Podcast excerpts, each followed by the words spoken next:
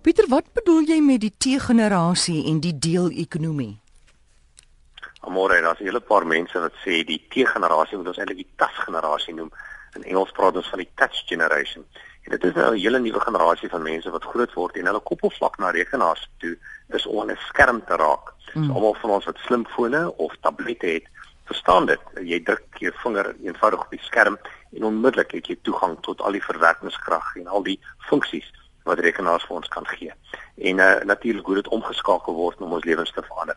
En dit is eintlik waaroor die tasgenerasie gaan. Ek druk 'n knoppie en onmiddellik kry ek inligting of ek koppel met iemand reg rondom die wêreld. Dis die tasgenerasie. Hulle wil heeltemal anders na die wêreld kyk as wat ek en jy na die wêreld kyk. Ons wat groot geword het toe die internet nog nie daar was nie. Ehm um, dan die tweede deel is die deel ekonomie is kom ons kyk hoe kan ons na 2007 het baie mense gesê hoe kan ons die hulpbronne wat ons tot ons beskikking het baie meer effektief aanwend as wat ons in die verlede gedoen het. Ehm um, en dit beteken dat as ek sekere hulpbronne tot my beskikking het, dan kan ek dit aan die wêreld bekendstel. En as iemand dit benodig vir 'n kort tydperk, het hulle dus die vermoë om dit in die hande te kry en te gebruik.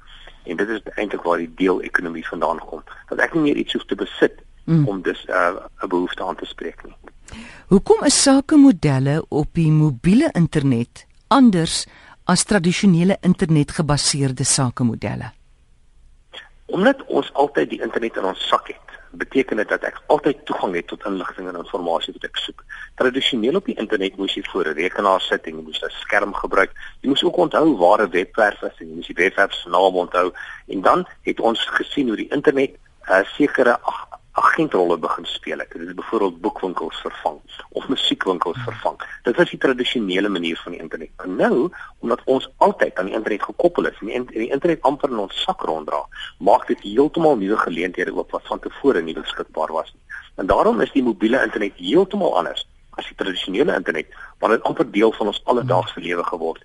Dit het nie net nou en dan 'n deel van ons lewe geword nie. Dit is konstant deel van ons lewe.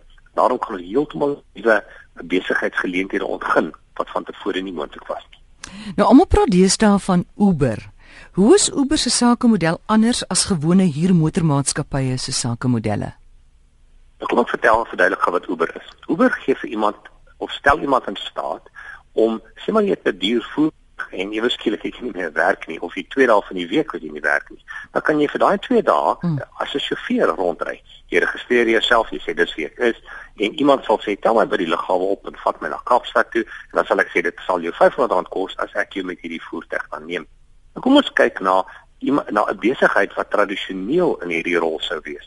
Jy sou 'n hele paar voertuie moes koop, jy sou 'n hele paar sjofeurs moes aanstel, jy sou 'n ehm, 'n kantoor moet oopmaak, jy gaan handelswerke moet registreer, jy gaan moet bemark. Uh, dit kos jou dis 'n geweldige klomp geld en dan weet jy nie hoeveel mense is daar wat van jou dienste gebruik maak nie. Wat Uber nou doen is ons sluit die hulpbronne wat in in die omgewing is. Jy hoef nie 'n kantoor te hê nie. Daar hoef nie 'n sentrale handelsmerk te wees nie. Jy in 'n voertuig en al wat nodig is met beskikbare tyd. En onmiddellik kan omdat die inligting beskikbaar is, jy kan presies sien waar die voertuig is op die persoon se selfoon en jy kan hom sê, ek sien jy is 5 minute weg van iemand af, uh, wil jy hom optel? Hmm. En jy sê ja, ek sal, ek vra jou R500 en dit is baie keer 'n derde of 'n kwart van die duur dit is van 'n tradisionele model. En daarom sien ons dat ehm um, hierdie modelle heeltemal anders lyk en amper meer die natuurlik die die hulpbronne wat rondom ons is in mense wat wat deur individue besit word kan nou ontgin word vir ekonomiese voordeel. Heng maar dis oulik. Mense kan seker hierdie sakemodel van Uber in ander marksegmente ook gebruik. Daar's geweldig baie marksegmente. Ons ons het in die verlede al vir jaar terug van Airbnb gepraat waar um, as daar 'n groot sokkergeleentheid byvoorbeeld is of 'n groot sportgeleentheid, hoef jy nou nie meer 'n klomp hotelle te bou nie. Jy sê gewoonlik vir mense as jy 'n spaarkamer het of jy het 'n spaar uh, woonstel, hoekom huur jy dit nie uit vir 'n aand nie? En jy kan dit dan uithuur. Jy weet ook dat die persoon wat by jou gaan bly betroubaar is, hmm. want jy kan sien in terme van waar hy van tevore gebly het wat mense van hom gesê het of haar gesê het. En as jy sê die as die persoon die plek se varkop agtergelaat het, dan sê jy eenvoudig jammer, jy word nie toegelaat nie. So hmm. daai die hele element van deursigtigheid omdat ons vir mekaar stem in terme van uh, ons dienste wat ons lewer en hoe ons dienste gebruik, beteken dat ek nou meer vertroue hê. In San Francisco byvoorbeeld, uh, daar dis nou 'n interessante ere, kan jy die spasie voor jou huis of in jou op jou oprit kan jy hm. uitverhuur as 'n parkeerplek. So jy kan hierdie spaarkapasiteit nou as 'n parkeerplek uitverhuur, maar die stadsraad het nou besluit dis nie 'n baie goeie idee nie. So daar's 'n hele klomp dinge wat jy kan doen. As jy byvoorbeeld nou Durban toe ry, dan sê jy, "Wie wil saam met my ry?" en jy kan dan sien of die persoon betroubaar is of nie voor die tyd en of hoe goed die persoon hmm. bestuur wat dit aanbied.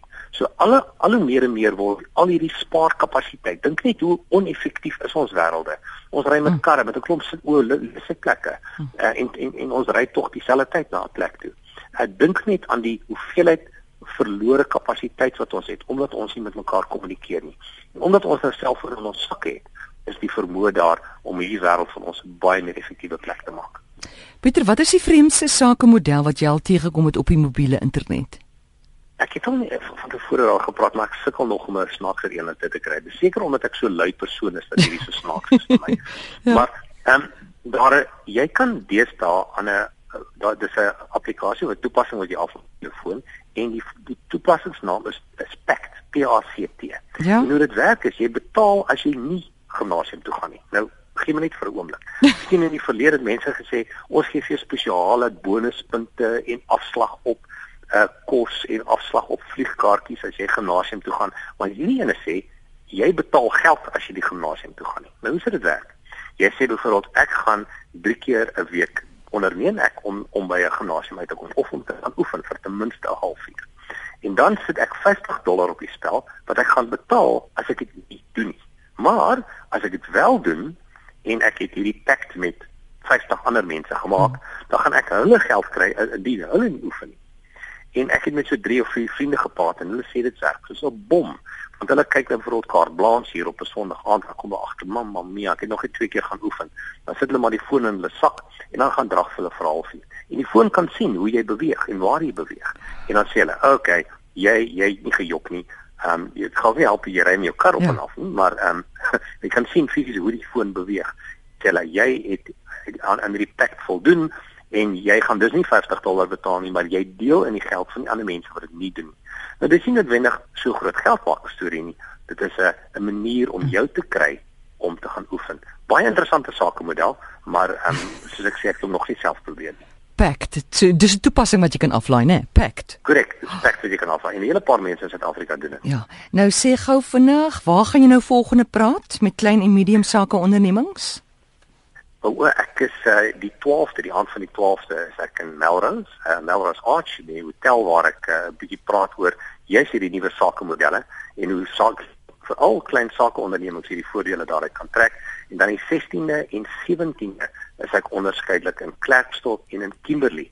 So as daar enige klein sakemanne is wat wil luister na al hierdie interessante nuwe dinge, is dit meer as welkom om my te kontak op my webwerf by pietergeldnys.com en ek sal aanseker maak hulle kry uitnodiging.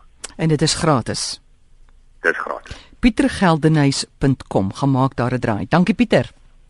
Dankie môre môre.